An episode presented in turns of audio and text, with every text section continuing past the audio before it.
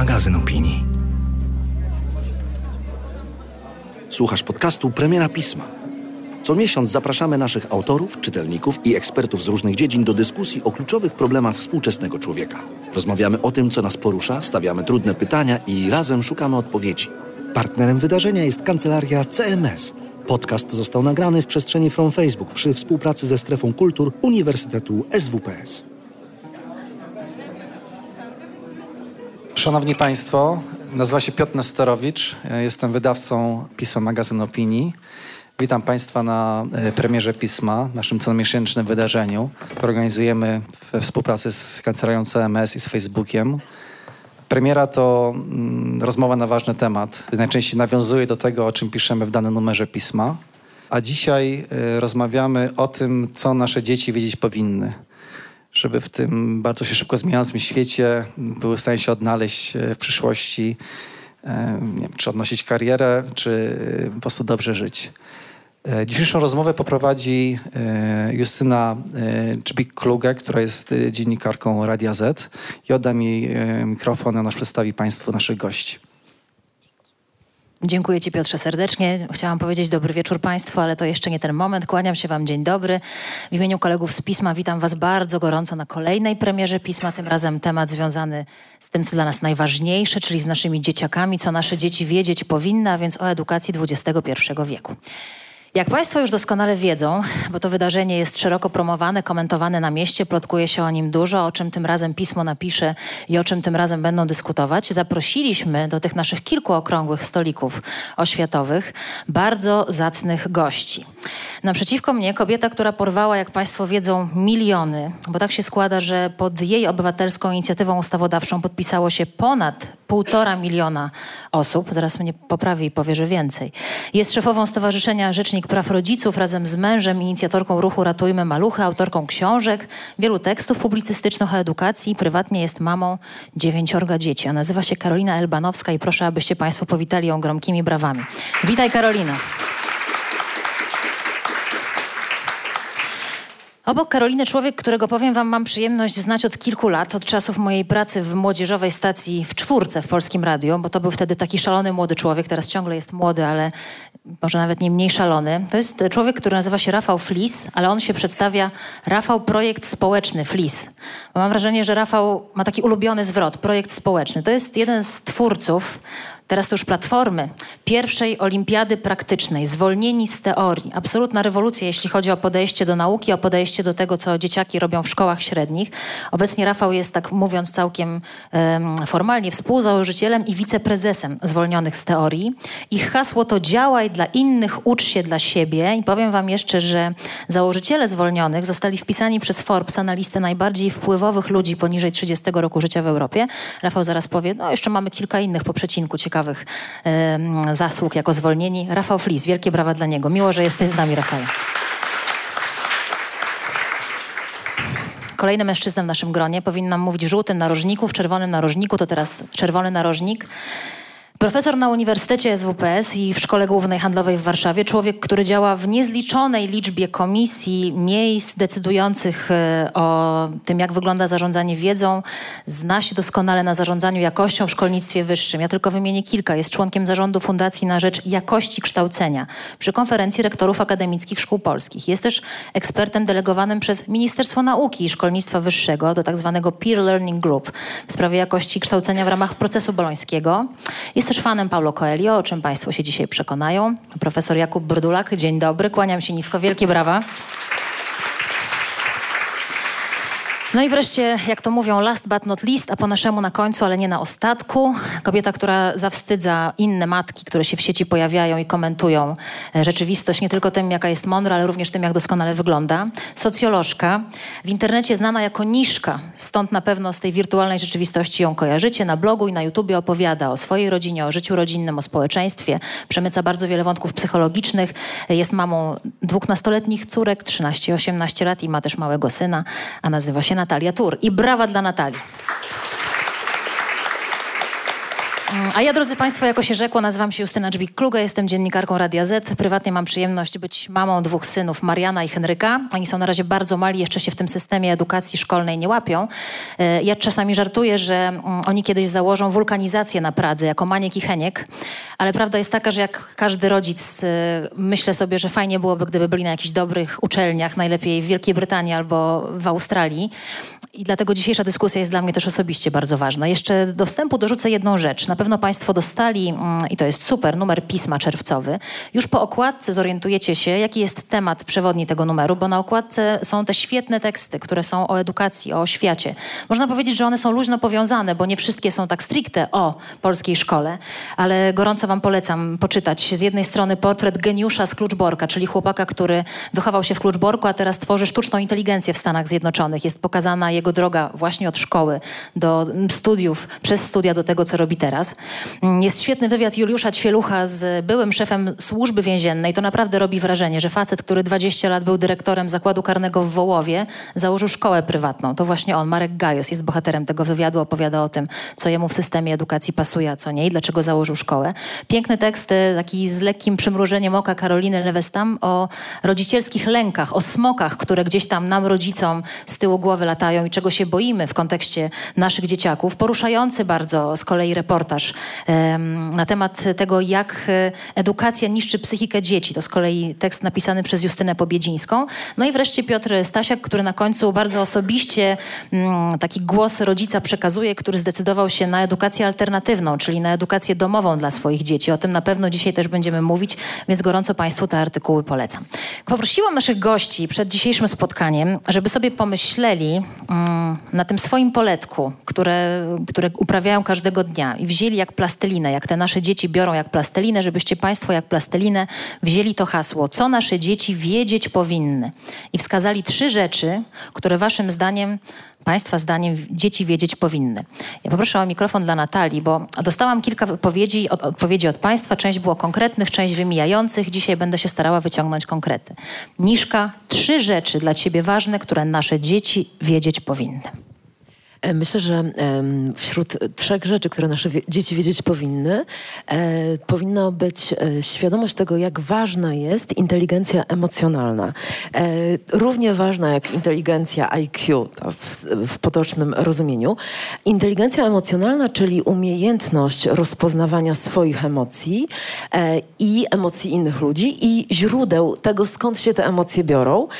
I to pozwala nie tylko osiągnąć jakiś komfort życia, życia domowego, prywatnego, ale również zawodowego, e, bo pozwala się zatrzymać e, i w momencie na przykład poczucia strachu czy złości zastanowić skąd się bierze i może powstrzymać się przed nagłym odejściem z pracy czy rzuceniem kursu. E, I mm, tak sobie pomyślałam, że umiejętność komunikowania się z ludźmi, czyli bycia tym takim naturalnym liderem, za którym ludzie idą, e, wiąże się też z tym, że można być doskonałym mechanikiem, dentystą, e, tancerzem, e, przedsiębiorcą, ale mieć wielką wiedzę, ale zupełnie nie, nie dogadywać się z ludźmi. I właśnie osoby, które są inteligentne emocjonalnie, a to nie jest cecha wrodzona ani predyspozycja, to jest coś, czego można się nauczyć. I chciałabym, żeby nasze dzieci się uczyły. Drugą rzeczą to jest świadomość e, istnienia własnych granic i granic drugiego człowieka, e, czyli umiejętność mówienia nie e, i dzięki temu mo mogą uniknąć mobbingu, molestowania, e, jakichś nadużyć. E, I kolejną e, e, ważną e, rzeczą, którą uważam, że nasze dzieci wiedzieć powinny, to jest jednak też to umiłowanie do wiedzy, do tego, że mm, bycie, zdobywanie wiedzy o świecie i w szkole, i, i, i, i mm, poza nią jest, jest ważne, warto, warto wiedzieć. Potem na pewno jeszcze rozwinę ten wątek. Ja zapytam od razu, bo ty mówisz mhm. o tym z takim uśmiechem, a mnie się jakoś zdobywanie wiedzy nie każdej kojarzy z takim uśmiechem i z taką pasją. Mówisz mhm. o takiej wiedzy, która daje radość, która sprawia, że jesteśmy lepszymi, mądrzejszymi ludźmi, a często ta wiedza, którą definiujemy jako wiedza szkolna, to jest taki znój i trud tak, ale to też wynika z tego, że ja na przykład jako mama e, dwóch nastolatek, czyli e, dziewcząt, które już od wielu lat są uczennicami, jedna w tym roku zdawała maturę, nigdy w żaden sposób nie zmuszałam ich do nauki, nie oczekiwałam wysokich ocen, nie odrabiałam z nimi prac domowych, nigdy w życiu. Nie, nigdy nie zajrzałam do dziennika internetowego. Wiesz, że to się nagrywa. To się nagrywa. Naprawdę? To się naprawdę Nie nagrywa. jestem sam. Dobra. Ale bez prac domowych Karolina, czy bez dziennika internetowego? Jedno i drugie. I ze wszystkimi dziećmi? Tak. Wrócimy do tego.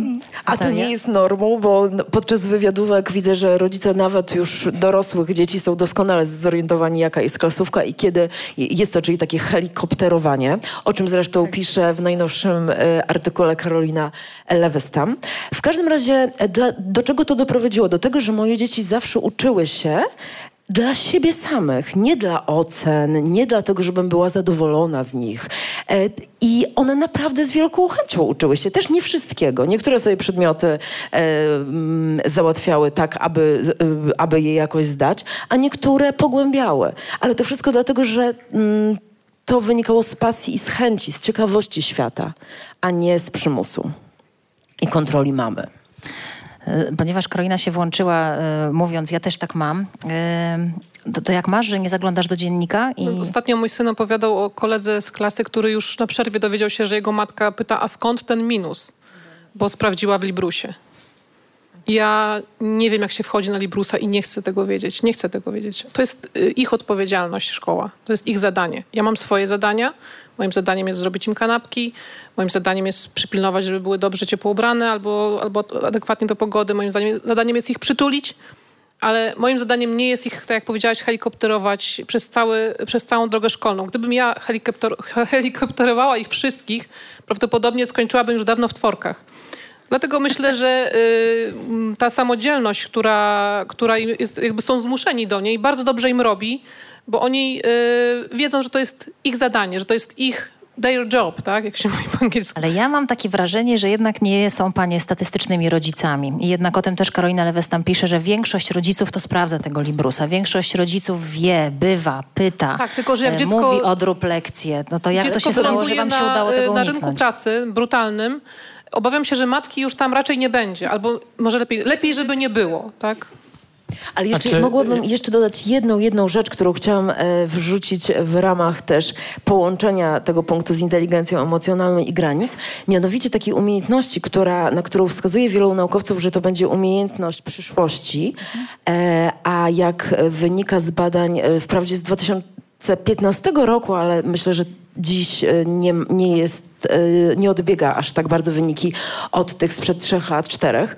E, To jest umiejętność tak zwana CPS, czyli Collaborating Problem Solving, czyli kooperacyjne rozwiązywanie problemów, czyli umiejętność do pracy w zespole, ale też, aha, i z tych badań PISA z 2015 roku wynika, że z badanych zostało pół miliona piętnastolatków na całym świecie i tylko 8% ma tę umiejętność, a to jest umiejętność poszukiwana już przez pracodawców na całym świecie.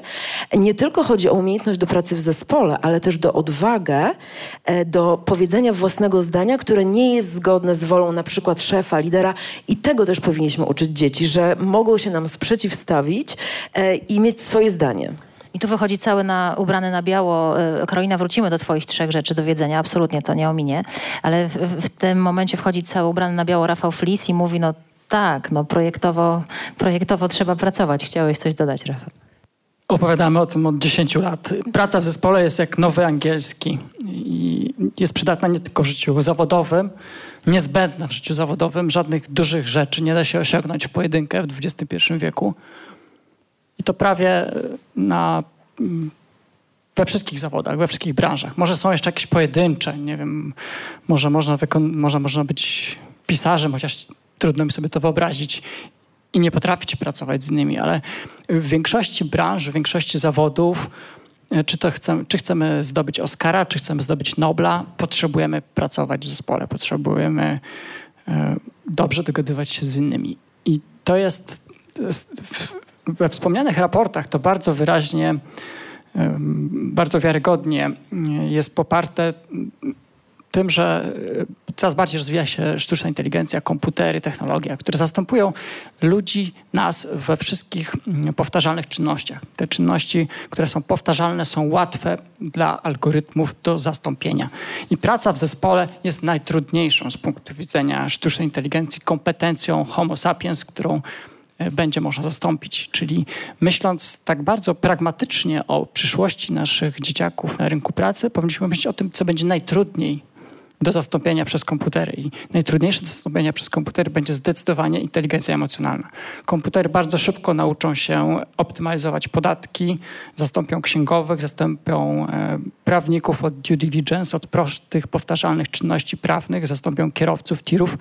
Jest raport McKinseya, który mówi, że nieważne, czy to będą zawody intelektualne, czy to będą zawody fizyczne, powtarzalne czynności zostaną zastąpione w zawodzie menadżera powtarzalne czynności też będą zastąpione. Menadżer nie będzie poświęcał 10 minut przed telekonferencją na ustawienie sprzętu do telekonferencji. Po prostu rozwój technologiczny uprości to do 3-4 sekund, zlikwiduje problemy techniczne z tym związane. Podsumowując, powtarzalne czynności nie ma sensu się do nich przygotowywać, ponieważ będziemy miliony razy mniej efektywni niż komputery. Nie, to, czego komputery nie potrafią, to inteligencja emocjonalna. W to warto inwestować. No ja od razu się włączę, że te trzy rzeczy, które Rafał wskazał jako te, które młody człowiek, nasze dzieci wiedzieć powinny, to na pierwszym miejscu powinien wiedzieć, jak pracować w zespole. Dalej napisałeś rozumieć podstawowe prawa matematyki, fizyki, biologii, chemii, i poznać własne zainteresowania. Czyli jednak jakaś tam wiedza by się przydała. Taka Podstawowe zrozumienie, jak działa świat. Od grawitacji przez fotosyntezę po dodawanie, mnożenie, ułamki, być może twierdzenie Pitagorasa, niekoniecznie trygonometria. Ja mam proste kryterium, takie bardzo zdroworozsądkowe. Uczmy naszych dzieci takich rzeczy, które wykorzystają najpóźniej w ciągu 10 lat od momentu, w którym daną wiedzę czy narzędzie przekazujemy. Jeżeli minie więcej niż 10 lat, to być może ta wiedza przestanie być aktualna, albo te dzieciaki po prostu zapomną o tym. Ja uwielbiam, ja pracuję wiele z prezesami dużych firm, ja zawsze im zadaję pytanie, co oni pamiętają z liceum i najbardziej lubię zadawać te pytania wieczorem, po kilku drinkach i słyszeć naprawdę szczere odpowiedzi. To jest już złośliwe, to już tak się... Naprawdę, niewiele pamiętamy z liceum i uczyć tego na pamięć 20 lat przed tym, jak będziemy w stanie wykorzystać trygonometrię, jest bez sensu, więc...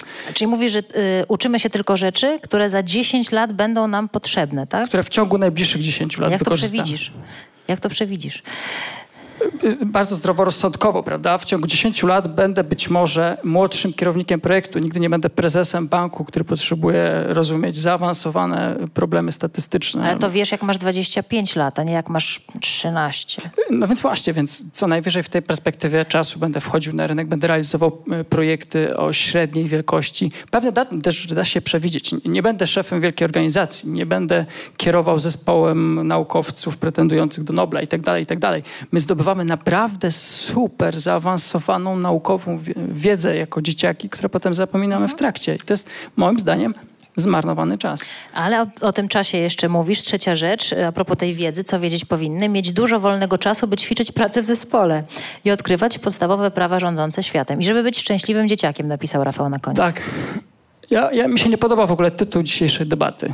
Ja nie uważam, Zaczyna że nasze, nasze dzieci coś powinny wiedzieć. Powinniśmy przestać myśleć o tym pierwszym okresie w naszym życiu, o tej pierwszej dekadzie czy o pierwszych dwóch dekadach jako jakichś służących albo mniej ważnych niż następujące potem dekady. To jest równouprawniony nasz czas na planecie Ziemia i on powinien być spędzony nie tylko jako przygotowanie do kolejnych dekad naszego życia, ale jako sam w sobie szczęśliwy czas, w którym my enjoyujemy życie, enjoyujemy planetę. Też dobrze, jest cieszyć. pierwszy rewolucjonista więc, na kanapach, jest dobrze. Więc ja uważam, że dzieciaki powinny mieć jak najwięcej wolnego czasu. Ja nie mam jeszcze dzieci, ale moje dzieci nie będą miały y, kalendarza zawalone, zawalonego dodatkowymi zajęciami. Absolutnie. Ja bym chciał, żeby one miały własny czas trochę, żeby się ponudzić, a trochę potem, żeby znaleźć sobie zajęcie. Najlepiej w zespole i najlepiej odkrywając najważniejsze fundamentalne prawa rządzące światem. Karolina bije ci brawo. Spijam słowa z twoich ust. Y, czytałam gdzieś niedawno, że rodzice, y, nie z klasy średniej, tylko właśnie ci na najwyższych stanowiskach, ci najbogatsi, nie zapełniają grafiku swoim dzieciom e, od deski do deski, także one po prostu padają na twarz wracając do domu. Oni dają im przestrzeń, dają im czas, dają im też, dają im czas na nudę, bo wbrew pozorom nuda nie jest niczym złym. Nuda daje nam szansę skonfrontować się z samym sobą i wymyśleć to, co, co ja chcę, tak? Co, co, kim jestem, gdzie jestem, co robię. Jakby, jeśli człowiek ma non-stop przed sobą iPhone'a, ekran telewizora, nie wiem, komputer, grę, jeśli on się w ogóle nie nudzi, to, to jego mózg tak naprawdę tylko odbiera bodźce z zewnątrz, nie, nie kreuje nic sam, tak?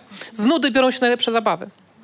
Karolina, twoje jedna... trzy, uzupełnienie to po pierwsze, a po drugie twoje trzy rzeczy. Znaczy, no właśnie, ja też się zgadzam, że nie podoba tytułem. mi się ten y, tytuł debaty, dlatego że... Y, ja uważam, że po, powinno być to raczej postawione, jak powinniśmy uczyć nasze dzieci, w jaki sposób.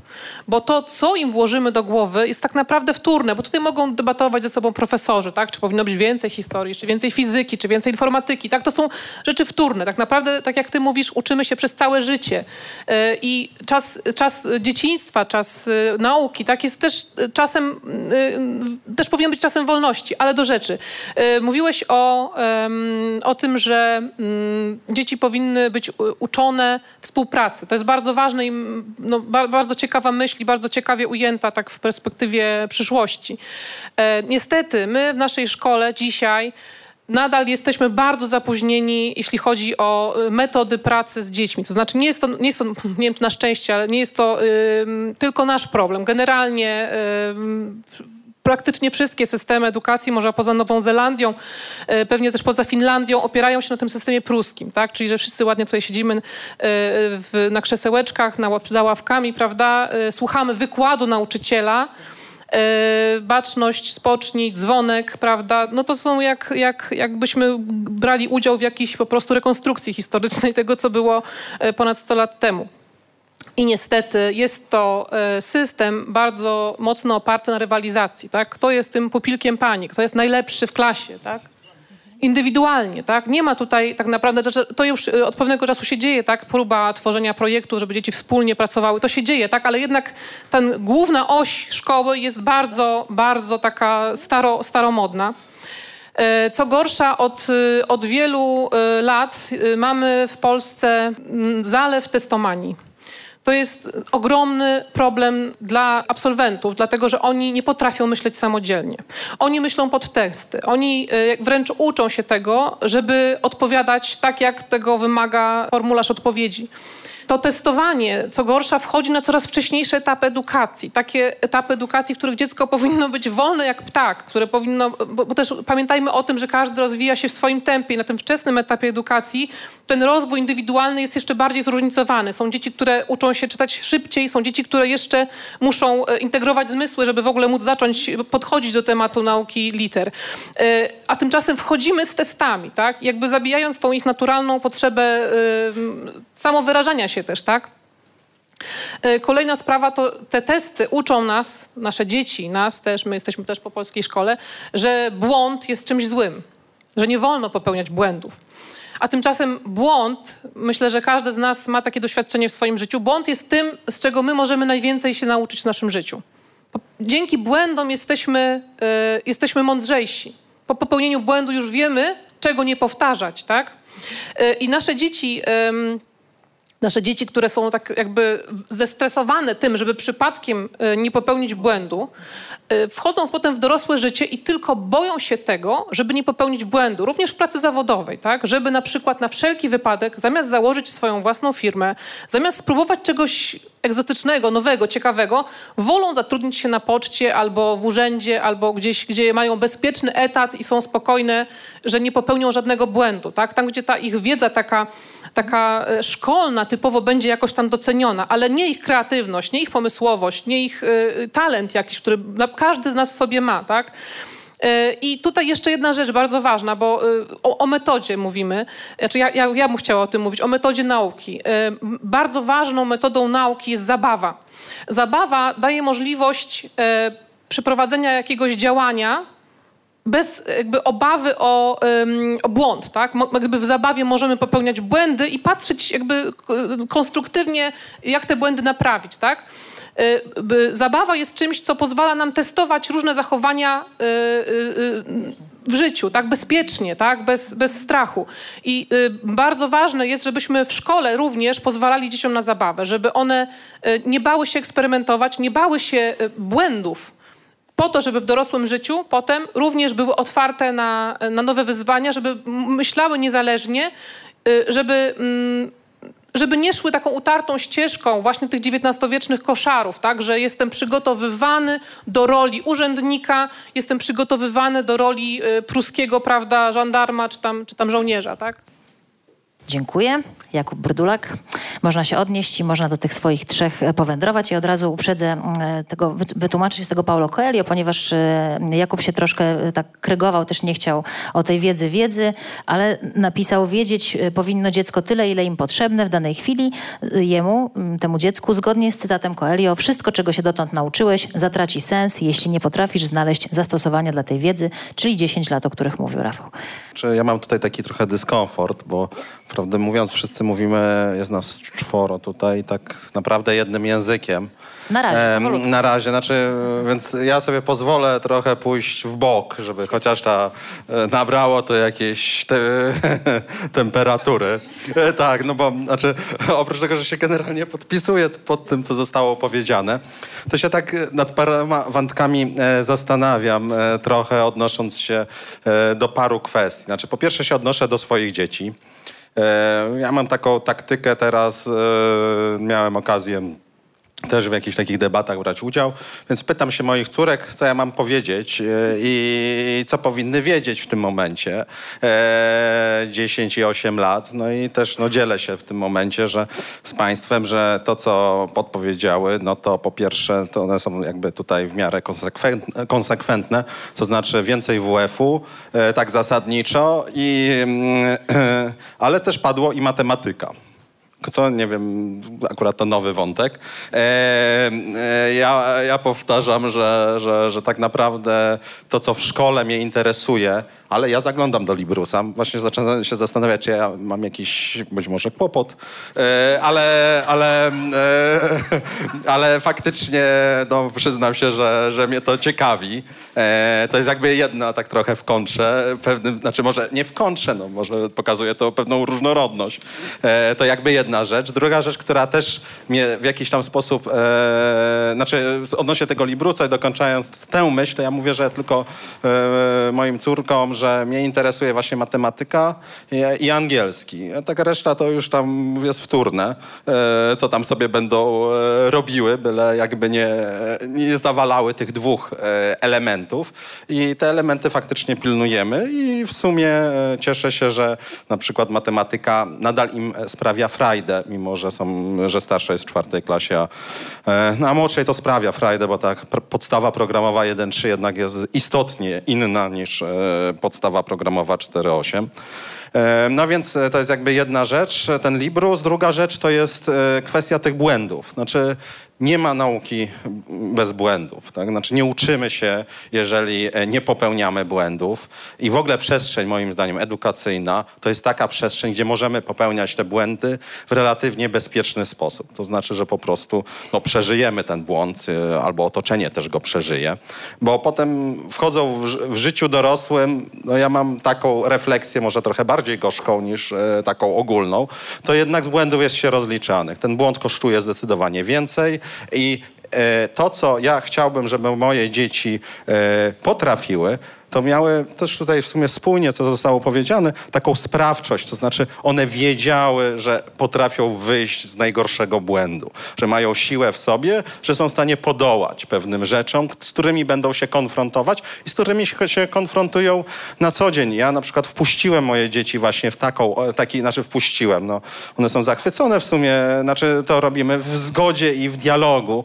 E, e, no, są zawodnikami e, w żeglarstwie, reprezentują województwo mazowieckie. W sumie no, jesteśmy dumni, bo osiągają jakby w swoich jakby możliwościach i na swoich poziomach to, co mogą osiągnąć najwyższe jakby miejsce, ale jakby wynik nie jest taki ważny. Ważne jest to, czy one tak naprawdę pływają na tych swoich optymistach na miarę swoich możliwości. To znaczy, czy nie odpuszczają, czy jak sobie radzą z kryzysem, czy mają jakby jakby wychodzą na lepsze, na lepsze też w poczuciu takim wewnętrznym e, rezultaty. I powiedzmy ta szkoła, którą przechodzą, mm, jest dla mnie tak samo istotna jak ta szkoła fizyczna, taka formalna można powiedzieć, ponieważ to ich uczy właśnie tego, że te błędy, ale błędy je kosztują. Jeśli popełnią błąd na, błąd na regatach, przewrócą łódkę, stracą miejsce. Jest jasny miernik e, i tak dalej, e, który powoduje to, że oczywiście są poddane pewnym stresom, ale e, no, też nie uważam, że takie... Mm, no nie wiem, znaczy powiem szczerze, ja trochę stanu, czasu spędziłem w Stanach i tam się też edukowałem. I to jest ta logika, którą powiedzmy przywiozłem stamtąd. Koncentruj się na silnych stronach, ale te silne strony o nie dbaj, pielęgniuj i nie odpuszczaj. To znaczy ten błąd w tych silnych stronach jest ważnym błędem i należy go zarejestrować, wyciągnąć wnioski i nie popełniać go dalej. Więc y, ja napisałem takie trzy rzeczy, y, wracając do tego głównego pytania. Po pierwsze sprawczość, a więc ta siła, która powoduje to, że ja panuję nad tym, co się dzieje dookoła, a nie ktoś inny za mnie, panu, za, za, za mnie to robi. I tutaj też jakby może też odniosę się do tych zespołów. Ja bardzo szanuję jakby pracę zespołową, ale nie za wszelką cenę. Znaczy ten zespół ma być budujący, konstruktywny, rozwijający, oparty na silnych stronach, a więc zróżnicowany, a nie zespół, który nas ciągnie jak e, kot, jakiś tam blok betonowy w dół i topimy się razem z zespołem, który e, nas tylko blokuje. Jeżeli jest tego typu sytuacja, trzeba zmienić zespół, trzeba zmienić otoczenie, e, trzeba sobie znaleźć tą przestrzeń, gdzie tą sprawczość mamy, ale sprawczość też nie za wszelką cenę, tak takim egoistycznym jakby mm, myśleniu. To jest sprawczość odpowiedzialna, ja to nazywam. To znaczy gdzieś te granice swojego jakby takiej przestrzeni my musimy skonfrontować z otoczeniem i powiedzieć, że okej, okay, ja mogę się przesunąć do przodu, ale tam jest druga osoba, trzecia osoba i może nie warto, tak? Znaczy jesteśmy, tak jak tutaj e, Rafał powiedział, na tej ziemi relatywnie krótko, więc to też trzeba jakby sobie jakoś tam skalkulować i też sobie w jakimś tym, mm, e, tym odpowiednio, mm, no nie wiem, sobie ten system wartości zbudować. I ostatnia rzecz, którą e, tutaj wyróżniłem, no to umieć uczyć się. To uczenie to też jest zapominanie. I znaczy ja, tak jak tutaj zostałem przedstawiony, w sumie mm, biorę, przyglądam się Europie. Znaczy trochę mm, nie ukrywam, że mój jakby optymizm do rozwiązań e, krajowych e, w zakresie edukacji, zarówno na poziomie jakby e, niższym, jak i wyższym jest mocno powiedzmy ograniczony. W związku z tym szukam tych benchmarków, jak to mówimy w tym zarządzaniu, tych wzorców poza. I muszę przyznać, że naprawdę tam jest dużo mądrej logiki, tylko my jej nie rozumiemy. I jakby taką moją misją, jakby tutaj w Polsce, e, też w pewnym sensie jest szukanie takiego dialogu i rozmowy, żeby tłumaczyć intencje. Bo co z tego, że my tworzymy jakieś prawo? Jeżeli my tworzymy definicję, nie rozumiemy, jaka jest intencja, to ta definicja i ta ograniczoność tego języka, kodyfikacji i tak dalej powoduje to, że każdy rozumie to po swojemu i potem się rozjeżdżamy. My nie potrafimy jakby wyjść na pewne e, bardzo czasami mądre i jednak cywilizacyjne, no, od cywilizacji bardziej rozwiniętych niż Polska, e, pewne e, refleksje, które są gdzieś zaszyte też w logice, w logikach. Ja się trzymam Europy, mimo że mam tych korzenie, znaczy korzenie, to za mocno powiedziane, mam doświadczenia amerykańskie, ale jakby tej Europy, która ma swoją taką głębszą refleksję nad wieloma kwestiami. No i chyba tyle. No dobra, to teraz Rafał, czy ty bardzo chcesz coś dorzucić, czy ja mogę? No to słuchajcie, bo to wszystko jest tak pięknie kolorowo, ale teraz za winklem czai się to pytanie, które oczywiście, że chcę wam zadać. To jest druga część naszego tematu, który przez państwa został tak przepięknie skrytykowany, ale jest druga część tego tematu, a jest w podtytule, a mianowicie o oświacie XXI wieku, czyli teraz ta oświata. Bo to jest tak, że chcę was zapytać o szkołę. Ja pamiętam ze swoich czasów szkoły, pewnie państwo też, że się mówiło, szkoła jest naszym drugim domem i oczywiście rodzice mogą nie zaglądać do Mogą dawać dzieciom się bawić, mogą uczyć przez zabawę, mogą skorzystać z różnych alternatywnych form nauczania. O tym też będziemy na pewno, mam nadzieję, mówić, bo może waszym zdaniem to będzie rozwiązanie. Ale jest jakiś system oświaty, w którym funkcjonujemy i w, które, w który wtłaczamy, dajemy nasze dziecko tej oświacie, tak? I chcemy, żeby szkoła grała z nami do jednej bramki, z nami rodzicami, tak to powiem. I teraz czego byście oczekiwali od szkoły? Czy te oczekiwania wasze aktualnie polska szkoła spełnia, jeśli nie, to w jakim zakresie nie i co powinna robić, żebyście mieli poczucie, żebyśmy mieli poczucie, żebyście wy jako eksperci od edukacji, bo tak was postrzegam, mieli poczucie, że ta polska szkoła gra do jednej bramki z rodzicami. Bo to jest trochę tak, ja takie mam oczekiwania od szkoły, że społeczeństwo jest różne. Są ancymony i kujony, jak mówi Marek Gajos w wywiadzie z Juliuszem Ćwieluchem, czyli są tacy, którzy rozrabiają, są tacy, którzy są w pierwszej ławce jest ten środek. A szkoła ma być dla wszystkich. Szkoła ma być dla wszystkich, co jest bardzo trudne, bo jak jest dla wszystkich, no to, to jak to zrobić, żeby szkoła była dla wszystkich i żeby dawała wszystkim dobrą ofertę e, i żeby tych, którzy są geniuszami, jak e, geniusz Scrooge-Borka e, z zespołu sztucznej inteligencji nie został ściągnięty w dół, ale żeby ancymony były podciągane do góry. Jak to zrobić? No to ja, ja tutaj się wyrywam do odpowiedzi. No, super. Um, ja jeszcze bym chciała tutaj, a, a jeszcze do, dotyczące błędu, tak? Tu mówisz o regatach, ale z drugiej strony um, na rowerze nie nauczysz się jeździć, póki się nie przewrócisz. To samo na nartach. I jednak nasza szkoła, ucząc tego niepopełniania błędów, jakby zatrzymuje w nas takiej zachowawczości, także jakby my się boimy wyzwań na koniec, po wyjściu ze szkoły. Ale, ale teraz do tego pytania, które, które zadałaś. Geniusz i ancymon. Y, w tej chwili są traktowani tak samo. Niestety y, system tak naprawdę nie przewiduje, albo przynajmniej może przewiduje formalnie, ale faktycznie tak nie jest nie przewiduje indywidualnej ścieżki. E, my teraz e, przygotowując się do tego okrągłego stołu edukacyjnego, e, który mam nadzieję zostanie jakoś wzięty pod uwagę przy, przez nowego ministra, który teraz doszedł do, doszedł do, do zastanowiska, bardzo mocno zwróciliśmy uwagę z naszymi ekspertami, a jest tam między innymi pani Dorota Dziamska, autorka zresztą podstawy programowej do klas 1-3 i przedszkoli, żeby, żeby szkoła jakby według tego samego programu y, jakby przewidywała to, że są dzieci, które będą przez tą, y, przez tą swoją edukacyjną drogę szły wolniej lub szybciej, żeby przewidywała takie, takie zróżnicowanie, bo, bo dla jednych dzieci, na przykład, nie wiem, chemia, prawda, jest udręką, y, jakby one, one po prostu tylko i wyłącznie cierpią, one nie będą chemikami. Dla nich to jest czarna magia tak naprawdę i można dla nich przygotować ścieżkę jakby łatwiejszą, tak, żeby one rozumiały w ogóle o co chodzi w tej chemii, tak, ale jakby no nie muszą jakby dochodzić do jądra, tak, y, żeby potem móc płynnie przejść do studiów chemicznych.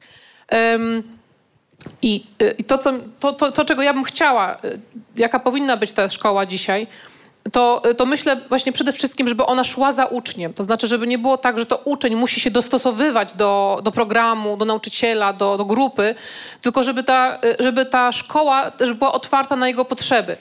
Myślę sobie tutaj o tym, yy, bo w zeszłym... Na sekundę tylko, tylko to no. jest takie życzeniowe, piękne ja zdanie. Wiem. Jak to zrobić? Jeden dzień w tygodniu na pracę zespołową, jeden z pięciu dni na pracę zespołową, 20% kryteriów rekrutacyjnych na studia to są osiągnięcia zespołowe. To są realne cele, które możemy osiągnąć w ciągu roku w Polsce. I będziemy w, w awangardzie krajów na świecie, także jeśli chodzi o Zachód. Absolutnie się nie zgadzam, że Polska jest zapóźniona cywilizacyjnie. Jesteśmy tak samo zapóźnieni cywilizacyjnie jak inni, tylko Polska ma jeszcze zwolnionych z teorii. Inni nie. I... Rafał jest najlepszym rzecznikiem zwolnionych z teorii. Państwo się o tym jeszcze pewnie nieraz przekonają. Testoza jest na całym świecie. Ostatnio słuchaliśmy o tym, jak amerykański system e, edukacji wyższej e, jest skorumpowany, po prostu przeżarty przez korupcję do, do, do granic możliwości. W Polsce przynajmniej nie mamy skorumpowanej rekrutacji na studia. Ale Antymon musi iść na płatne Poczekaj. studia, a geniusz idzie na bezpłatne. Taka jest na przykład różnica między nami. Poczekaj, do tej aktorki gotowych na wszystko, która dawała łapówki, żeby dzieci dostały się na studia? Chyba między tak. Jest tak, tak. I o tym też Państwo poczytają w piśmie. Karolina wraca, e, poczekaj, Ancymon, jeszcze raz, e, geniusz... Ancymon musi iść na e, niestety płatne, prywatne studia, a geniusz idzie na bezpłatne, państwowe. Taka jest różnica w stosunku polskiego systemu do dzieci, które... Znaczy kujon idzie na, na, kujon, na płatne, Ktoś, kto świetnie kuje, ma bezpłatne studia, ktoś, kto... To mówisz już o studiach. Ma inne Dobra. talenty, musi iść na prywatne uczenie. Dobra, Karolina, bo weszłam ci w zdanie, że to takie jest, bo, bo to jakby ja się zgadzam oczywiście, tylko wciąż jak? To jak ten system, jak ten system ma Wiesz, wyglądać? W, w, praktyce to wygląda tak. W zeszłym roku e, w, w, październiku były takie cudowne, słoneczne dni, nie wiem czy pamiętacie. Było takie ostatnie chwile takiego ciepła, takiego babiego lata. No i jest godzina 15, tak? Za chwilę już zacznie się robić chłodno. I co, co robią nauczyciele z tymi dziećmi? Siedzą z nimi w murach No bo przecież muszą program, wyrobić program. Mo, muszą wyrobić program, tak? No i teraz znowuż, no przecież można by było ten sam program, bo to mówimy o 1-3, żeby było jasne, tak? A zresztą nawet i w tych starszych klasach dałoby się coś zrobić. Można wyjść z tej szkoły i poszukać jakby tego programu w świecie zewnętrznym, tak? Tylko do tego potrzebna jest otwarta głowa również wśród nauczycieli. No i tutaj zachodzimy, wiesz, do takich problemów już ym, no, strukturalnych, systemowych, tak?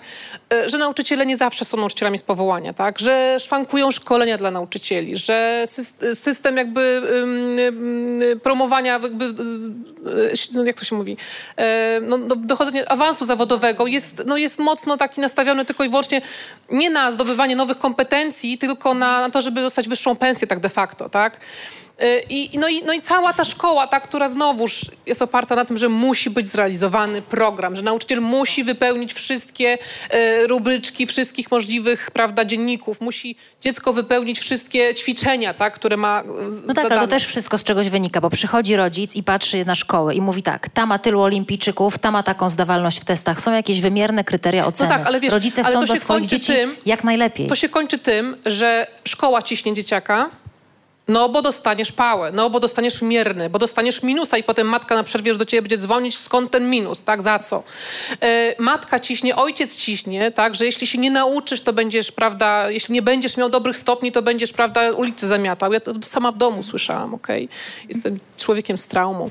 E, no, w każdym razie, w każdym razie, nie, żartuję sobie, ale e, jakby to prowadzi do tego, myślę, że tutaj też warto, żeby to padło, że w tej chwili mamy ogromny problem depresji wśród dzieci.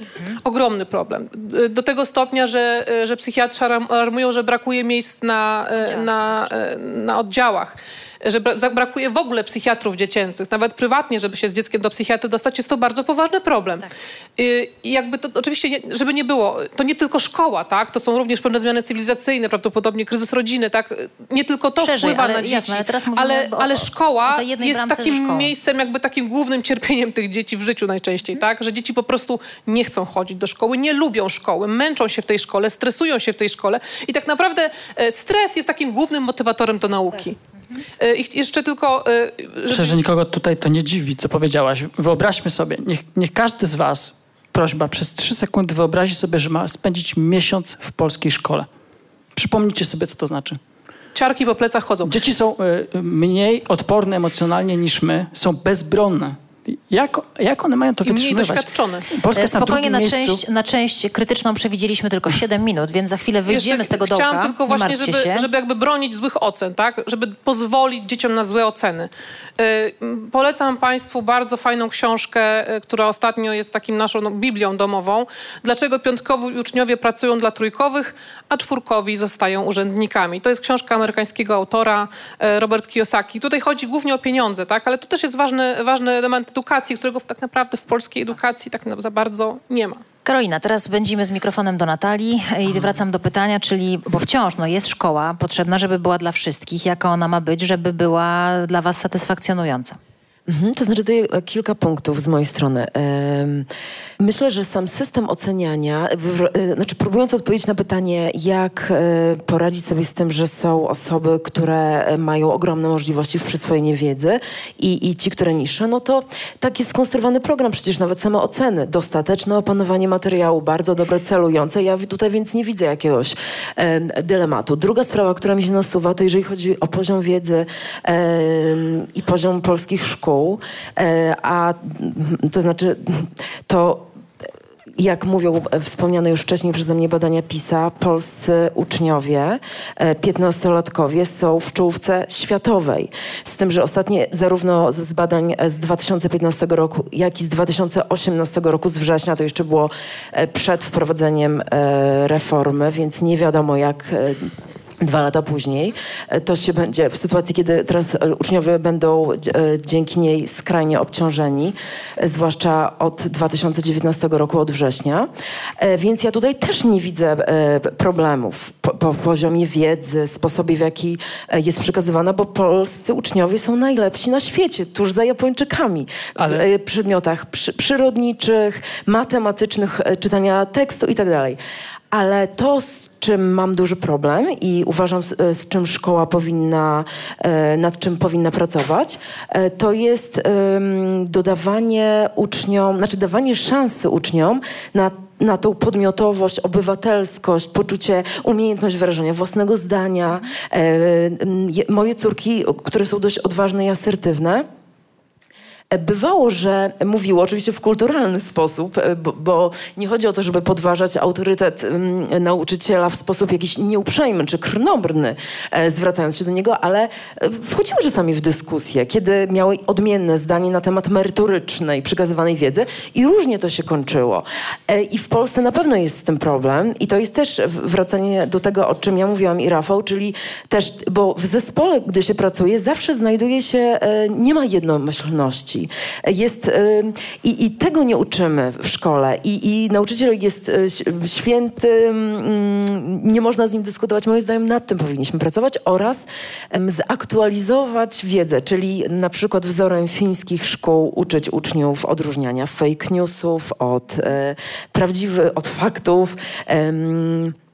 I jeszcze, przepraszam, ostatnią rzecz, też nawiązując do tego, co mówiliście, e, to moja mama, która nie jest nauczycielką, ale miała przez dwa lata okazję prowadzenia e, zajęć w liceum z komunikacji chyba medialnej, bo była taka eksperymentalna, e, eksperymentalny profil, zaczynała lekcję w ten sposób, że żeby uczniowie, to a propos tego, co mówiliśmy o pruskiej szkole, nie widzieli przede wszystkim swoich pleców, to zachęcała uczniów, żeby ustawiali ławki w sposób tam w, okrą, w okręgu albo e, po prostu w, w grupach, żeby się e, układali. I rzeczywiście to było, i, i uczniowie w pewnym momencie już sami szykowali lekcje, ustawiając tak e, ławki. Oczywiście potem na następne lekcje musieli je według tej formuły ustawiać z powrotem, ale to się da zrobić. To, nie, to jest banał. Wystarczy poprosić uczniów, dogadać się z nimi, żeby ustawić te ławki inaczej, więc mi się wydaje, że to wszystko jest do zrobienia. To teraz Jakub Brdulak, pytanie następujące. Czy Polska powinna być drugą Finlandią, jeśli chodzi o oświatę? Znaczy, proszę Państwa, no, ja już e, tą Finlandią, to prawdę mówiąc, chyba co druga debata na temat edukacji to jest ten model fiński. Cieszę się, to modne. E, tak, znaczy... E, szczerze mówiąc, być może, że odpowiedź jest tak. Znaczy... A być może, że nie. E, znaczy, do czego ja e, zmierzam? Że, żebyśmy tą debatę, czy tą, w jakiś sposób to, co tutaj było powiedziane, ten okrągły stół i tak dalej, niezależnie w jakiej to narracji jest przedstawiane, ale potraktowali jako pewną szansę, która może e, nas przesunie e, do przodu. No bo w ogóle jest coś takiego właśnie tutaj odnośnie tej jeszcze luki cywilizacyjnej, co zostało, że my tak jesteśmy rozwinięci świetnie cywilizacyjnie. Znaczy powiem szczerze, że ja też żyłem w takim przeświadczeniu przez długi czas, dopóki nie zacząłem współpracować e, z różnymi uczelniami, w szczególności ze Stanów, z Wielkiej Brytanii i szczególnie ta Wielka Brytania mi dała dużo do myślenia, ponieważ tam, e, znaczy tą lukę cywilizacyjną defini- trochę tak patrząc z boku, e, obserwuję poprzez tworzenie prawa. A, Holandia chociażby. O, no, Holandia jest też dobrym przykładem. Tam na przykład w Holandii, e, żeby się zmieniły pewne wytyczne dotyczące oceniania uczelni wyższych, to jest siedmioletnia debata, uczelnie są włączone do nich, e, do niej. Na bazie tej debaty są projektowane rozwiązania prawne. W Wielkiej Brytanii, jeżeli się coś ma zadziać w, e, w prawie, to mamy tak zwane evidence-based policy, to znaczy się robi po prostu badania badania, zbiera się case'y, zbiera się dobre przykłady, zbiera się to, co nie wyszło i gdzieś na tych wzorcach innych dochodzi się do swojego rozwiązania, które oczywiście ma swój kontekst e, i to nie jest na zasadach e, kopiowania, wklejania, ale uczymy się od innych. Jak ja patrzę, jak funkcjonujemy jako społeczeństwo, to może takie trochę już bardzo wysokie, e, ale też obserwuję, jak jest tworzone prawo, chociażby w zakresie szkolnictwa wyższego, no ale też i szkolnictwa niewyższego. E, to ja nie widzę, powiem szczerze, jakiejś głębokiej refleksji i docenienia też nauki jako pewnej metody dochodzenia do pewnej obiektywnej oceny otoczenia. I to ja po prostu, i ten rozdźwięk mnie osobiście dosyć boli. Mm, Więc wracając do tej Finlandii, no to oczywiście trzeba by było zbadać tą Finlandię, ale kolega mój się temu przyglądał, e, profesor Jan Fazlagicz e, z Poznania. I on wyszedł na przykład z taką rekomendacją, taki raport e, Innowacyjność w szkole był teraz niedawno w sumie publikowany, a on te badania robił mniej więcej rok temu czy dwa lata temu, że, że bardziej duński model jest jakiś bardziej aplikacyjny w tej naszej e, rzeczywistej sytuacji. A co jest No- tam takiego w tym duńskim modelu, że jest to aplikacyjne u nas? Znaczy to trzeba by było profesora Frazlegicza zapytać, powiem szczerze, ale to jest jakiś taki nurt, w którym powinniśmy jakby o tym rozmawiać i nad tym się zastanawiać. Które elementy są bardziej, które mniej. Ja nie odpowiem Państwu na to pytanie, bo stricte edukacja nie jest w obszarze mojego e, zainteresowań. Mogę Państwu powiedzieć, jak jest projektowana e, obszar szkolnictwa wyższego w Polsce i w całej Europie, znaczy w europejskim obszarze szkolnictwa wyższego. No i też tutaj będę w kontrze. E, Ja uważam, znaczy no tutaj też widzę pewną luki, jeżeli chodzi o pewne rozwiązania naszych po, e, polskich uczelni e, w stosunku do innych uczelni, co nie znaczy, że we wszystkim jesteśmy, no nie wiem, znaczy to jest różnie. A te, jeszcze jedną rzecz chciałem powiedzieć, bo Poprosimy tutaj... kolegów z pisma, żeby zrobili numer o uczelniach. To wtedy Znaczy, spotkamy to bardzo chętnie o tym się podzielę, tymi refleksjami. Ale e, tutaj padło od e, Karoliny takie kwestia, że tej różnorodności jakby. Proszę Państwa, no, ja chodząc przez rok do liceum w Stanach Zjednoczonych, do publicznej e, szkoły, do publicznego liceum, Pierwszy tydzień spędziłem nad tym, to, nad tes, testami, ale nie tylko, wywiadami, e, nad pewnym u- szkoła rozpoznawała, w czym ja jestem mocny, w czym jestem słaby. Ponieważ każdy z nas je, ma swój jakiś potencjał. Każdy z nas też w tym uczeniu ma tą logikę takiej skokowości. To nie jest tak, że my jak jesteśmy wolni z chemii w danym momencie, to jesteśmy antytalentem do chemii. To tak jak z chodzeniem, e, uczeniem się chodzenia. No małe dziecko zaczyna chodzić, to jest pewien proces. W pewnym momencie zacznie chodzić. Jest ten skok, jest ta iluminacja, jak to się mówi w tej koncepcji skokowego uczenia się, której ja ogólnie bardzo podzielam i też z Brytyjczykami w jakiś tam sposób jestem... No ale wracając do tego, byłem diagnozowany. Z tych diagnoz wyszło, e, ponieważ e, no, tam pojechałem, to też już nie będę Państwu zajmować czasu, ale z bardzo specyficzną znajomością języka angielskiego. Był test w ambasadzie amerykańskiej. E, ja jestem antytalentem językowym, ale mam tą świadomość, więc przez trzy miesiące się przygotowywałem do testu, włączając, wziąwszy nawet arkusze te testowe, no i rozpoznając, że literka A, jak w, w, w zakreśle, no to prawdopodobieństwo rośnie. Faktycznie e, 60% to było przejść, znaczy miałem 30%, wychodziłem, że sam potrafię, a te 30% no to trzeba było być bardzo konsekwentnym, niezależnie od tego, co mi się wydaje, zakreślać A. No i tak zrobiłem. Miałem 62%. E, no, uzmysłowiłem sobie, że może to nie była najlepsza strategia w samolocie. To jeszcze nie były czasy internetu, Google Translatorów i tak dalej. Leciałem do, goś- e, do rodziny goszczącej e, bez jakiejkolwiek wsparcia rodziców i właściwie już w Chicago, jak musiałem się przesiąść, to całe szczęście, że ten personel mówił po polsku, bo dzięki temu to się mi udało przesiąść do tego samolotu tam do Kalifornii. No więc przez ten tydzień, jak, jak mnie badali, no to im wyszło, że właściwie jedyna silna moja strona to jest matematyka. Po prostu rozumiałem polecenia. E, jakby... No i... Znaczy, czym to się, jakie były skutki tej sytuacji? Skutek był taki, że zostałem zaklasyfikowany do języka angielskiego na takim poziomie, że po trzech miesiącach byłem najlepszym uczniem. Maturę ledwo zdałem, znaczy zdałem na czwórkę, na czwórkę, nie na piątkę e, z angielskiego, mimo że rok byłem w Stanach. Więc jakby to świadczyło, że tam był poziom odpowiednio dostosowany do moich predyspozycji. E, ale z matematyki, ja proszę Państwa, miałem ponad 20 godzin matematyki tygodniowo. Miałem codziennie praktycznie 4 godziny z matematyki e, i tam każdy błąd z tej matematyki kosztował mnie bardzo dużo. To znaczy, jeżeli ja coś nie dowoziłem, jak to się ładnie mówi, z tej matematyki, e, to miałem poważny problem. E, ponieważ wyszło, że ja mam do tego predyspozycję. Jeśli masz predyspozycję, to musisz bardzo mocno w to inwestować.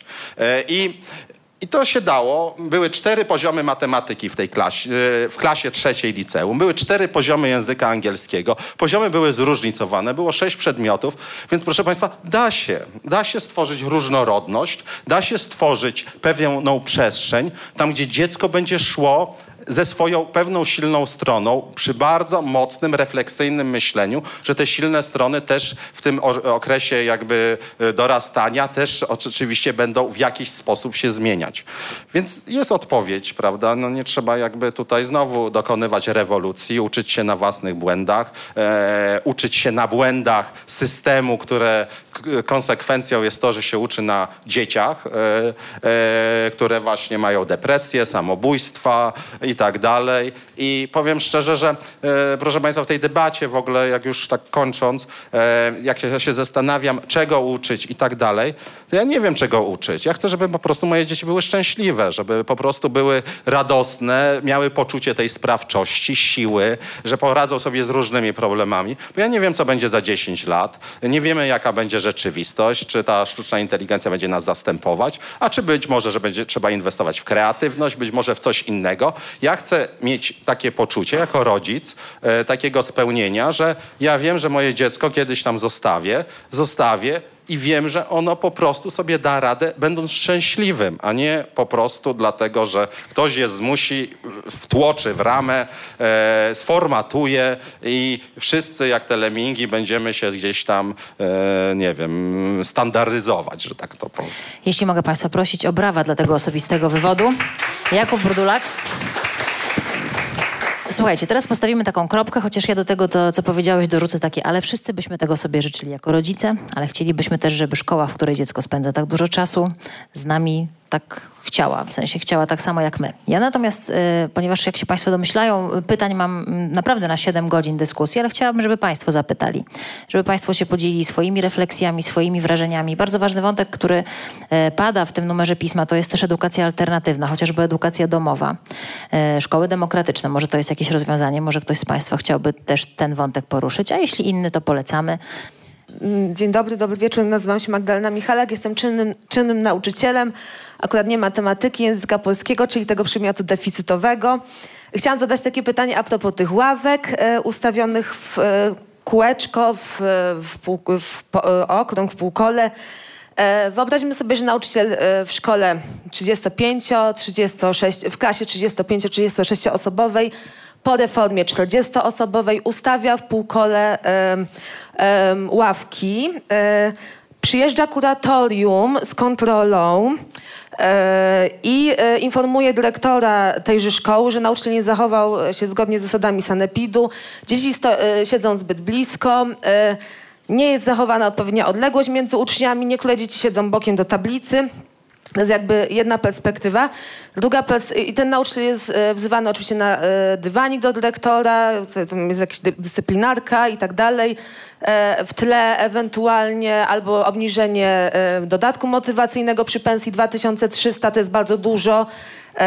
A następnie przychodzi spotkanie z rodzicami, e, gdzie również rodzice mają o to pretensje, no bo moja Marysia siedzi bokiem do tablicy, a dlaczego Zosia Kowalska, przepraszam, jeżeli ta tak gdzieś może wśród Państwa jest, dlaczego Zosia Kowalska siedzi przodem do tablicy. I chciałam poprosić o skomentowanie takiej sytuacji, bo to jest sytuacja realna z polskiej szkoły. Ja bym chciała odpowiedzieć. To znaczy, a propos w ogóle kuratoriów. W tej chwili kuratoria są tym samym dla e, nauczycieli i dla dyrektorów szkół, co e, testy dla uczniów. To znaczy są takim straszakiem, takim agresorem, można by powiedzieć. Tak? E, one nie pomagają, one są po to, żeby znaleźć haka.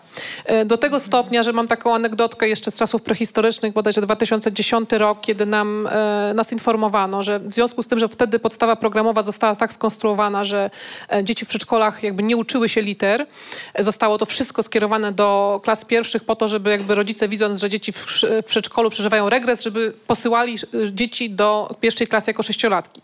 E, to jeszcze było za czasów minister e, bodajże Szumilas.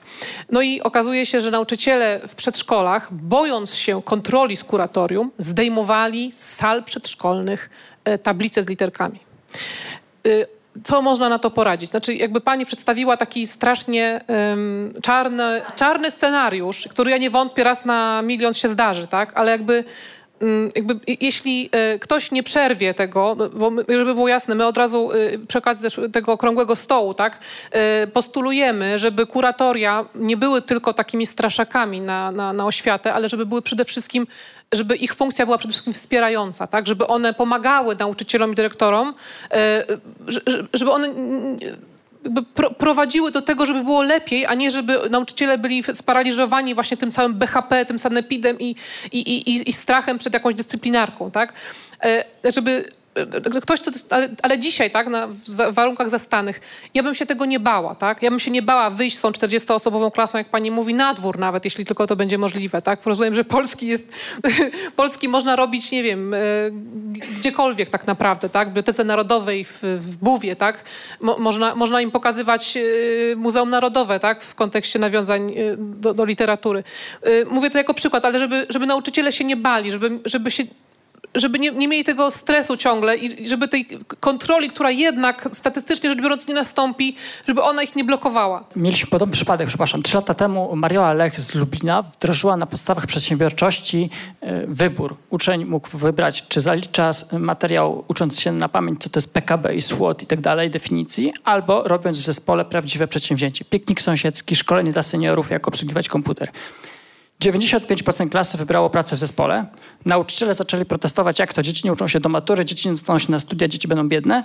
Przyjechał kurator i zaczęła się bardzo podobna awantura tam. I y, to, co y, sprawiło, że kurator wrócił do domu bardzo zadowolony, to oni z dyrektorem przeszli przez oceny.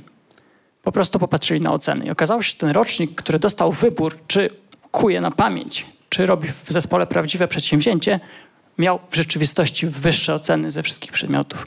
I to sprawiło, że kurator powiedział, no dobra, projekty społeczne możecie robić, skoro to sprawia, że w rzeczywistości macie wyższe oceny. Czyli oceny są walutą, którą kuratorzy kupują. Ja tylko powiem, że w naszym gronie, przynajmniej tutaj e, po tej stronie, nie ma kuratora, więc e, jakby e, chcielibyśmy pomóc, ale nie bardzo, chyba że jesteś kurator na sali, teraz to się będzie bał podnieść rękę, ale my jesteśmy pokojowo nastawieni wszyscy, naprawdę. Dzięki za ten wątek. Tak, dzień dobry. Dzień dobry, ja się nazywam Piotr Stasiak i siedzimy tutaj sobie z żoną i słuchamy. Tam gdzieś żona jest z tyłu niestety. Ale ale chyba wy, wyra... I, i, i, myśl, I, myślimy sobie tak podobnie, bo wymieniliśmy wiadomości na Messengerze, że... Do żony pan pisał, widziałam. Tak, y że, że, na poziomie debaty eksperckiej z polską szkołą jest super, naprawdę ekstra. Ale prawda jest taka, że mamy nastoletnie dzieci, interesujemy się tym tematem od nastu lat. Od nastu lat słyszymy wszystkie te super argumenty, które tu padły, natomiast szkoła idzie dokładnie w przeciwnym kierunku. Jak to jest, że ci eksperci, niektórzy nawet doradzają ministrom, mają bardzo dobre pomysły, a potem to wszystko tak strasznie się rozjeżdża tam przy, w tej podstawówce przykoszykowej albo tam na Wawrze, nie? No nie mogę tego zrozumieć po prostu. I nie możemy do tego zrozumieć do tego stopnia z żoną, że po prostu kilka lat temu dzięki jej bohaterskiej postawie oraz dużym zasobom samozaparcia zdecydowaliśmy się na edukację zupełnie alternatywną, tak? I jak Państwo wymieniliście tutaj te wszystkie swoje e, elementy, co należy, jakie trzy rzeczy powinny opanować te dzieci, to wyszło nam, że na szczęście opanowały. Ja w edukacji chciałam, domowej. Ja chciałam tutaj tylko sprostować jedną rzecz, bo może ktoś z Państwa jest doradcą. Ja nie jestem na przykład doradcą yy, okay, ministra edukacji narodowej. To, co nam się udało wylobbować, to, że sześciolatki nie chodzą do nie muszą chodzić do pierwszej klasy. I to, co nam się udało wylobować, to wypromowanie pani Doroty Dziamskiej na autora podstawy programowej do klas 1-3 przedszkoli. E, osoby, która właśnie jest propagatorem edukacji przez ruch, edukacji przez zabawę.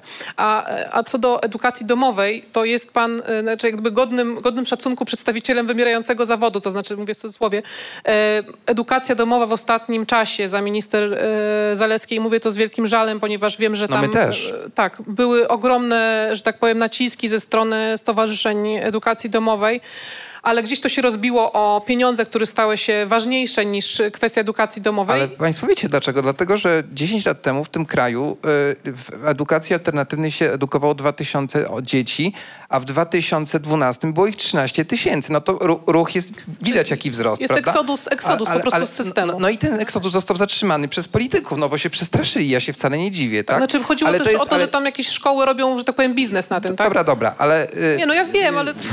Pełna zgoda, wiem o co ale, ale chyba Wylali musi, dziecko z ale, ale musimy sobie powiedzieć, no zaraz, 13 tysięcy osób w tym kraju w ciągu kilku lat niespełna powiedziało weto, weto polskiej szkole, tak? To znaczy, no to jaki jeszcze sygnał można odebrać od, oddolnie od społeczeństwa i dlaczego nic się wciąż nie zmienia? To jest fascynujące dla mnie po prostu. Jak się Państwo domyślają, zawsze jest fajnie z ministerstwami, bo ich się tak zaprasza, a oni zazwyczaj nie przybywają. Więc y, jeżeli na sali jest ktoś zakamuflowany z Ministerstwa Edukacji, to podobnie jak z kuratorem, naprawdę niech się pokaże, chętnie podyskutujemy. Bo to jest, mam też wrażenie, taki wątek, który leci w górę. Na szczęście z tego spotkania powstaje podcast i każdy może go posłuchać w internecie. Życzymy tego nowemu ministrowi. Kto podnosił rękę? Dziękuję Panie Piotrze za ten wątek. Y, Dziękuję. Nie jestem ani z ministerstwa, ani z kuratorium. Szkoda. Miło Panią widzieć. Tak, dziękuję. Ja mam takie pytanie do pana Flisa, bo mówił pan, przedstawił pan taką swoją prywatną teorię o tym, jakby, że słuszne byłoby, gdyby dzieci uczyły się, poznawały, zdobywały wiedzę, którą będą w stanie wykorzystać w ciągu najbliższych 10 lat. I stąd takie moje dwa pytania. E, Pierwsze pytanie to, kto miałby oceniać, jaka wiedza będzie dziecku przydatna za 10 lat? E, A drugie pytanie, mm, ponieważ każdy jest inny, każdy będzie też prawdopodobnie zajmował się czymś innym w przyszłości, więc będzie potrzebował innej wiedzy. Czy w związku z tym możliwa jest edukacja zbiorowa, biorąc pod uwagę taki system? Dziękuję. Dziękuję za takie zaawansowane pytanie. Chętnie e, rozwinę w kuluarach je lepiej, ale tak syntetycznie odpowiadając, to szkoła powinna uczyć do życia, więc nie powinna tworzyć laboratoryjnych warunków, w której grupa podstawowa ma 30 osób, czy tam 40 i wszyscy siedzą w rzędach.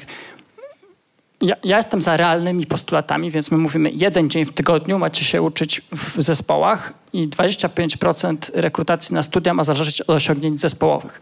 A propos frustracji związanej z tym, że nic się nie zmienia, przeżywam to codziennie wstając do pracy, że nic się nie zmienia, a ja ciągle próbuję to zmienić nic się nie zmienia. I akurat ten projekt, w którym zmienimy kryteria rekrutacji na studia, o którym, w który ostatnio sporo wkładamy energii, to powinna być taka systemowa zmiana. Jeżeli nagle się okaże, że uczelnie korzystają ze swojej nowej, nowo zdobytej, nowo wzmocnionej autonomii, wprowadzą e, rekrutację, e, nowe kryterium rekrutacyjne na studia, to się nazywa roboczo TAS, Teamwork Achievement Score, to sprawi, że zmieni się cały system bodźców i motywacji rodziców i uczniów. I okej, matura polegająca na tym, żeby zakuć do testozy, wciąż zostanie, ale okaże się, że żeby dostać się na najlepsze kierunki, trzeba też nauczyć się pracy w zespole, trzeba osiągnąć coś e, w zespole projektowym. E, No, ale miałem odpowiedzieć syntetycznie. No, Więc konkretnie. szkoła, więc to nie powinno być tak, że wszyscy uczą się na tym, na, wymagamy pod koniec roku od wszystkich znajomości, e, powiedzmy, fizyki e, na tym samym poziomie. W życiu, w biznesie, w nauce nie jest tak, że w zespole projektowym są równi sobie ludzie.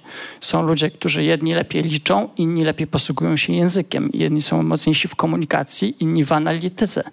I szkoła, jakby myślenie o szkole, że teraz wszyscy w czerwcu mają mieć ten sam poziom zrozumienia matematyki, jest dla mnie abstrakcyjne. To nie jest przygotowywanie do życia, tylko raczej właśnie jakieś konsekwencje mentalne pruskiego systemu, w którym generujemy ludzi do powtarzalnych zadań. Urzędników, żołnierzy, oficerów itd. Rafał, a kto oceni to, o co pani zapytała w pierwszej części? Kto oceni, co za 10 to lat jest super będzie pytanie, przydatne? ale najtrudniejsze pytania, najlepsze odpowiedzi są zdroworozsądkowe.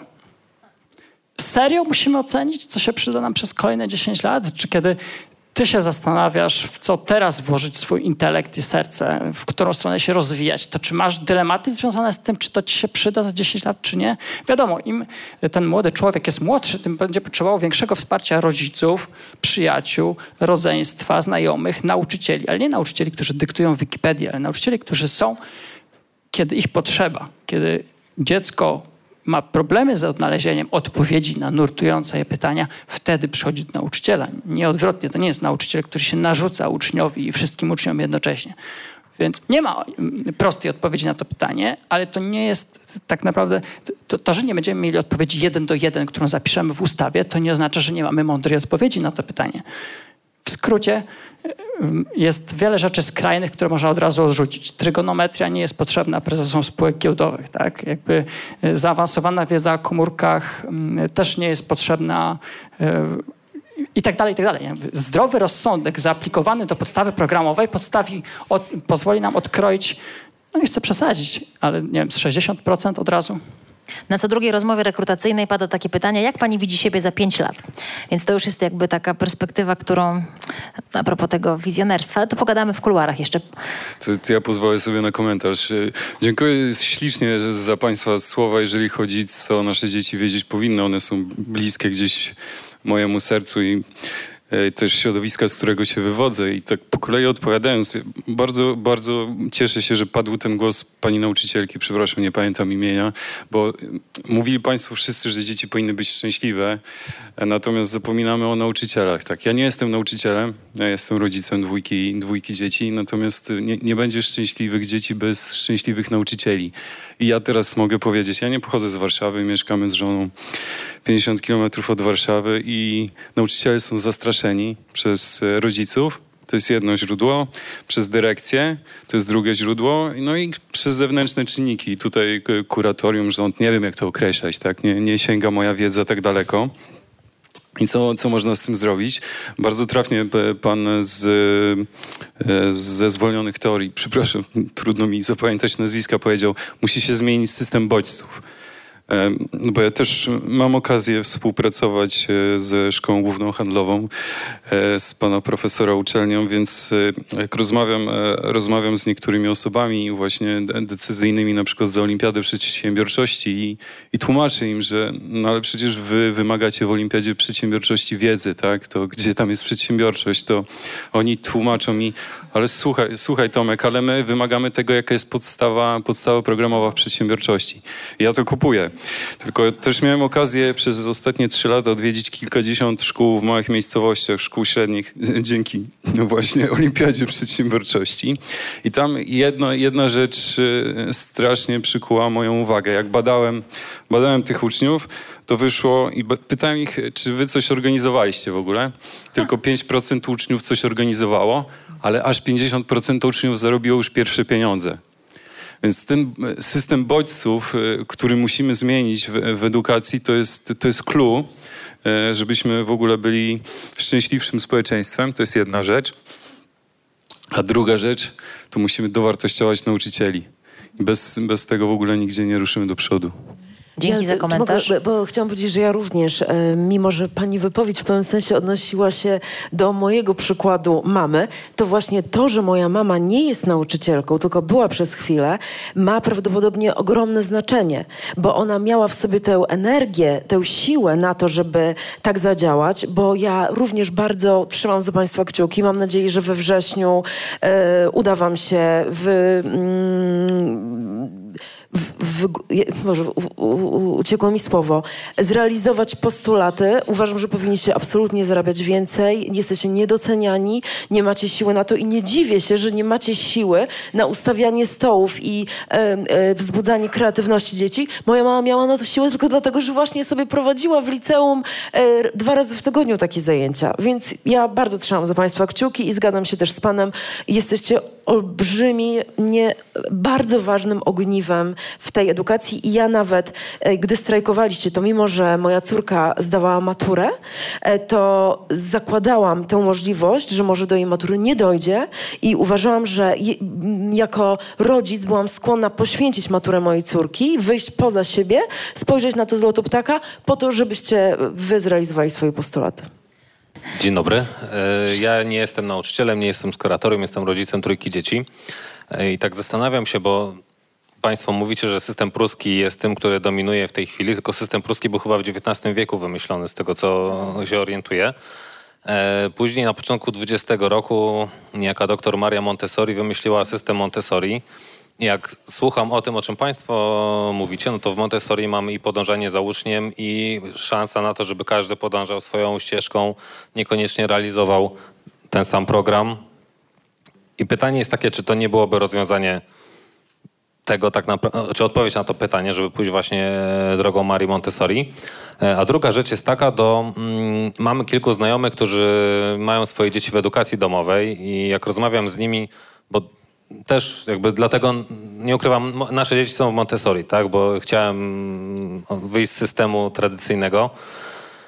E, to pytaj mi o tą mm, e, podstawę programową, tak? Bo jak się jest w edukacji domowej, to trzeba zdawać co roku egzamin i tak dalej. I oni mówią, że oni tą podstawę programową ze swoimi dziećmi to są w stanie zrobić w miesiąc. Jak bardzo im się nie spieszy, to góra dwa miesiące, więc pytanie, co my w szkole robimy przez pozostałą część roku, skoro my robimy tak naprawdę program jakiś, który jest tam dla nas zadany, czy nie można by właśnie pójść inną ścieżką, żeby dzieci miały więcej wolnego?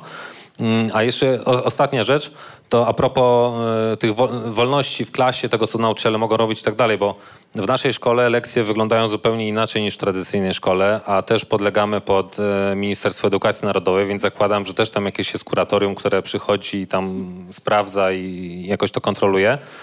Mm, I też na Facebooku w ramach jednej z dyskusji, gdzie tam się przyglądałem a propos edukacji, jakiś rodzic napisał, że właśnie ponoć nasz system wcale taki bardzo zły nie jest, jeśli chodzi o wolność, którą mają nauczyciele, że mogą wybierać sobie program, mogą wybierać narzędzia, które e, stosują e, w pracy z dziećmi, tylko im się ponoć nie chce, ale no, też nie jestem nauczycielem, więc tutaj nie, nie wiem, jak to wygląda naprawdę. Ja, Karolina? Ja kiedyś rozmawiałam, jeszcze za czasów naszej walki o, o, o wolność sześciolatków, e, kiedyś rozmawiałam z jakimś wiceministrem w telewizji e, i właśnie e, padło hasło o Montessori i stwierdziłam, że e, że, że to jest zbyt nowo, nowoczesne jak na naszą szkołę, to Montessori. No to, to oczywiście była kpina, tak? ale tak jest, że nasza szkoła jest naprawdę bardzo, bardzo zapóźniona.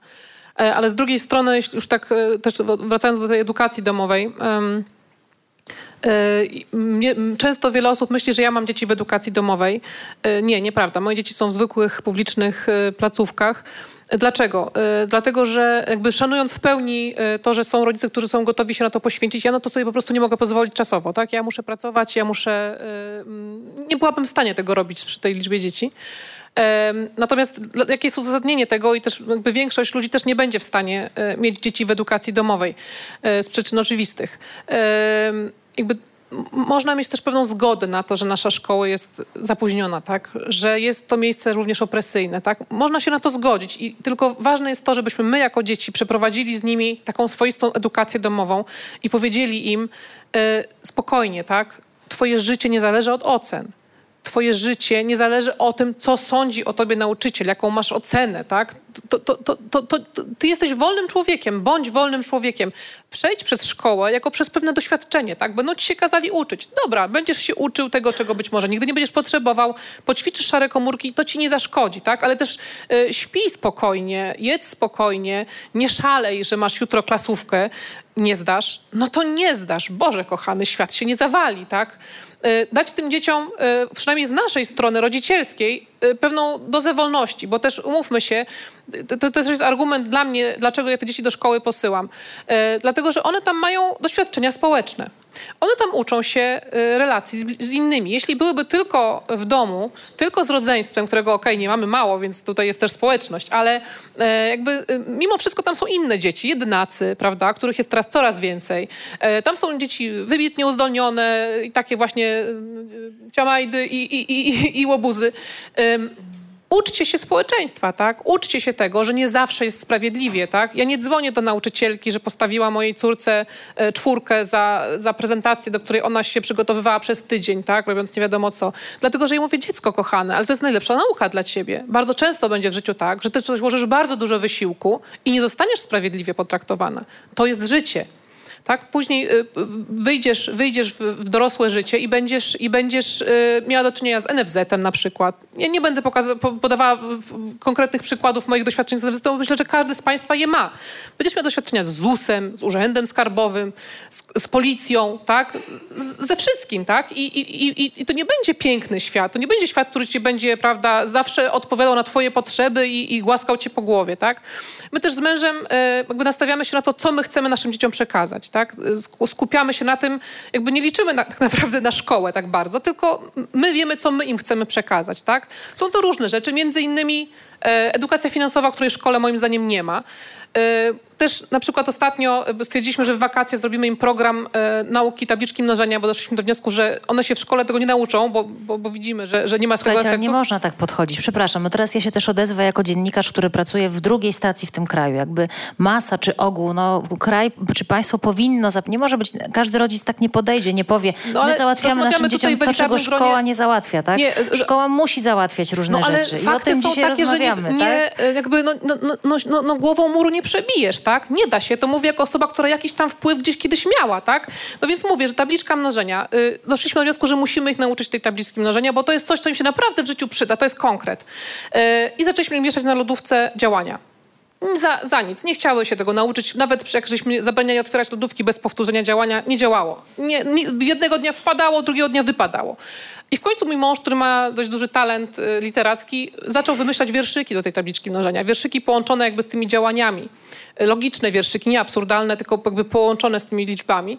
No i z tego powstała książka. Tak? Dzisiaj, y, dzisiaj tę książkę y, y, reklamujemy wśród rodziców, którzy, którzy chcą nauczyć dzieci tabliczki mnożenia, nie licząc na szkołę. Tak?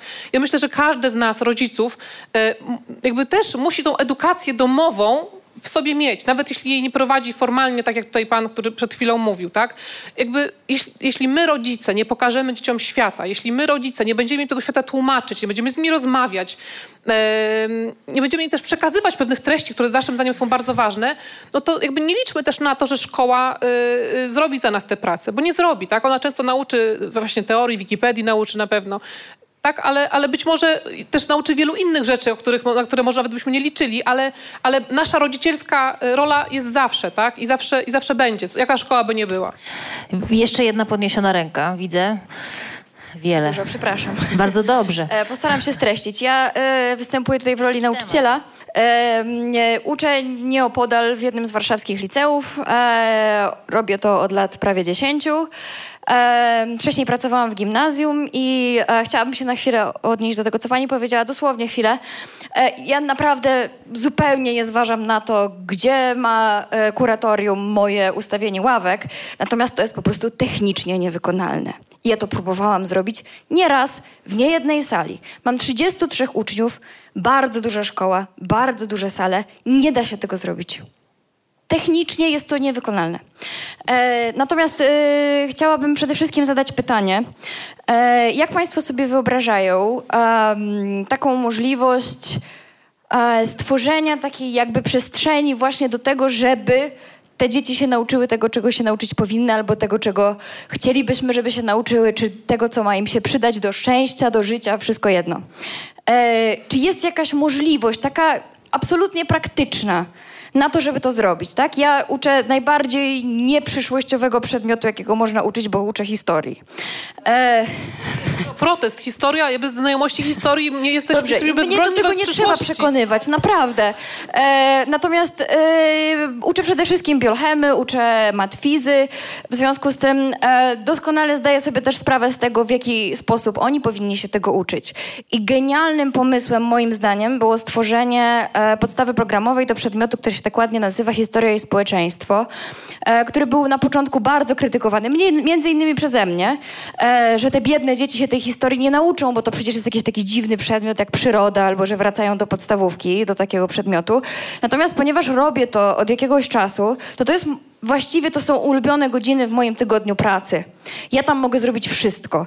Żeby daleko nie szukać, dzisiaj m, moje dzieci robiły e, wystawę na temat historii różnych mediów, potem przechadzały się po tych wystawach, zrobili to w 45 minut, następne 45 minut zaprezentowali to reszcie klasy, zrobiliśmy z tego zdjęcia, zrobiliśmy z tego dyskusję. To jest przedmiot rewelacyjny. To jest przedmiot, który daje nam możliwość właśnie tego, co pan powiedział, e, takiego, takiej swobody nauczycielskiej. Nie dlatego, że nam się nie chce, tylko on nam daje taką możliwość. Podstawa programowa do tego przedmiotu ma dwie strony. Tam jest dziewięć punktów na dwa lata. Według nowej podstawy programowej, którą, z którą się ostatnio zapoznałam, do liceum czteroletniego, podstawa ta programowa ma 22 strony do samej historii. 22 strony. Tam nie ma żadnej przestrzeni na to, żebym ja sobie robiła takie rzeczy. Żadnej. Czy mamy to potraktować Y, jako pytanie, czy raczej jako refleksję? Przepraszam, Bo tak. ja mam już, wrażenie, już że to raczej tak, refleksja. To jest refleksja. Natomiast pytanie, czy my mamy jakąś realną szansę wpływu na kogoś, kto się tym zajmuje? Bo pan powiedział super, że powinniśmy robić jakieś badania. Ale czy jest jakaś realna szansa na to, że ktoś się faktycznie tym zainteresuje, że coś zbada, że nie zbada y, wyniki publikowane przez CKE, tylko zbada skuteczność dla życia codziennego tych osób po jakimś czasie? Ja myślę, że gdyby państwo w to nie wierzyli, to by nie robili tego, co robią. Takie Ale wrażenie. rząd też się ogarnął ostatnio. E, Minister Emilewicz, pierwsza w historii polskiego, pol, polskiego rządu w ogóle, y, skrytykowała polską szkołę dosyć jednoznacznie. Pojawił, pojawił się raport Szkoła dla innowatora. I nie dość, że ten raport jest jednoznacznie negatywny, to też jest e, w ślad za tym raportem idzie pilotaż i minister Emilewicz, ekipa rządowa chce zrobić w 20 polskich szkołach Finlandię przez dwa lata. Krótko mówiąc, jakieś pilotaże, eksperymenty. Chcą potestować Finlandię w polskich warunkach. Super. Mają na to nawet 20 milionów złotych, więc to jest na pewno konkretne działanie, y, które się wydarzy. Ja bardzo polecam grupę Nauczyciele Zwolnieni z Teorii. To jest super. Słuchajcie, ja mam takie wrażenie, że to już zakrawa na rozmowy kuluarowe. Myślę, że Państwo się ze mną zgodzą, więc y, na podsumowanie chciałam Wam zacytować jeden tekst z tego czerwcowego numeru pisma, które stało się przyczynkiem do naszej dzisiejszej dyskusji. Jest to tekst wypowiadającego się już Piotra Stasiaka, który mówił o edukacji domowej, a ten tekst brzmi następująco, ten fragment tekstu.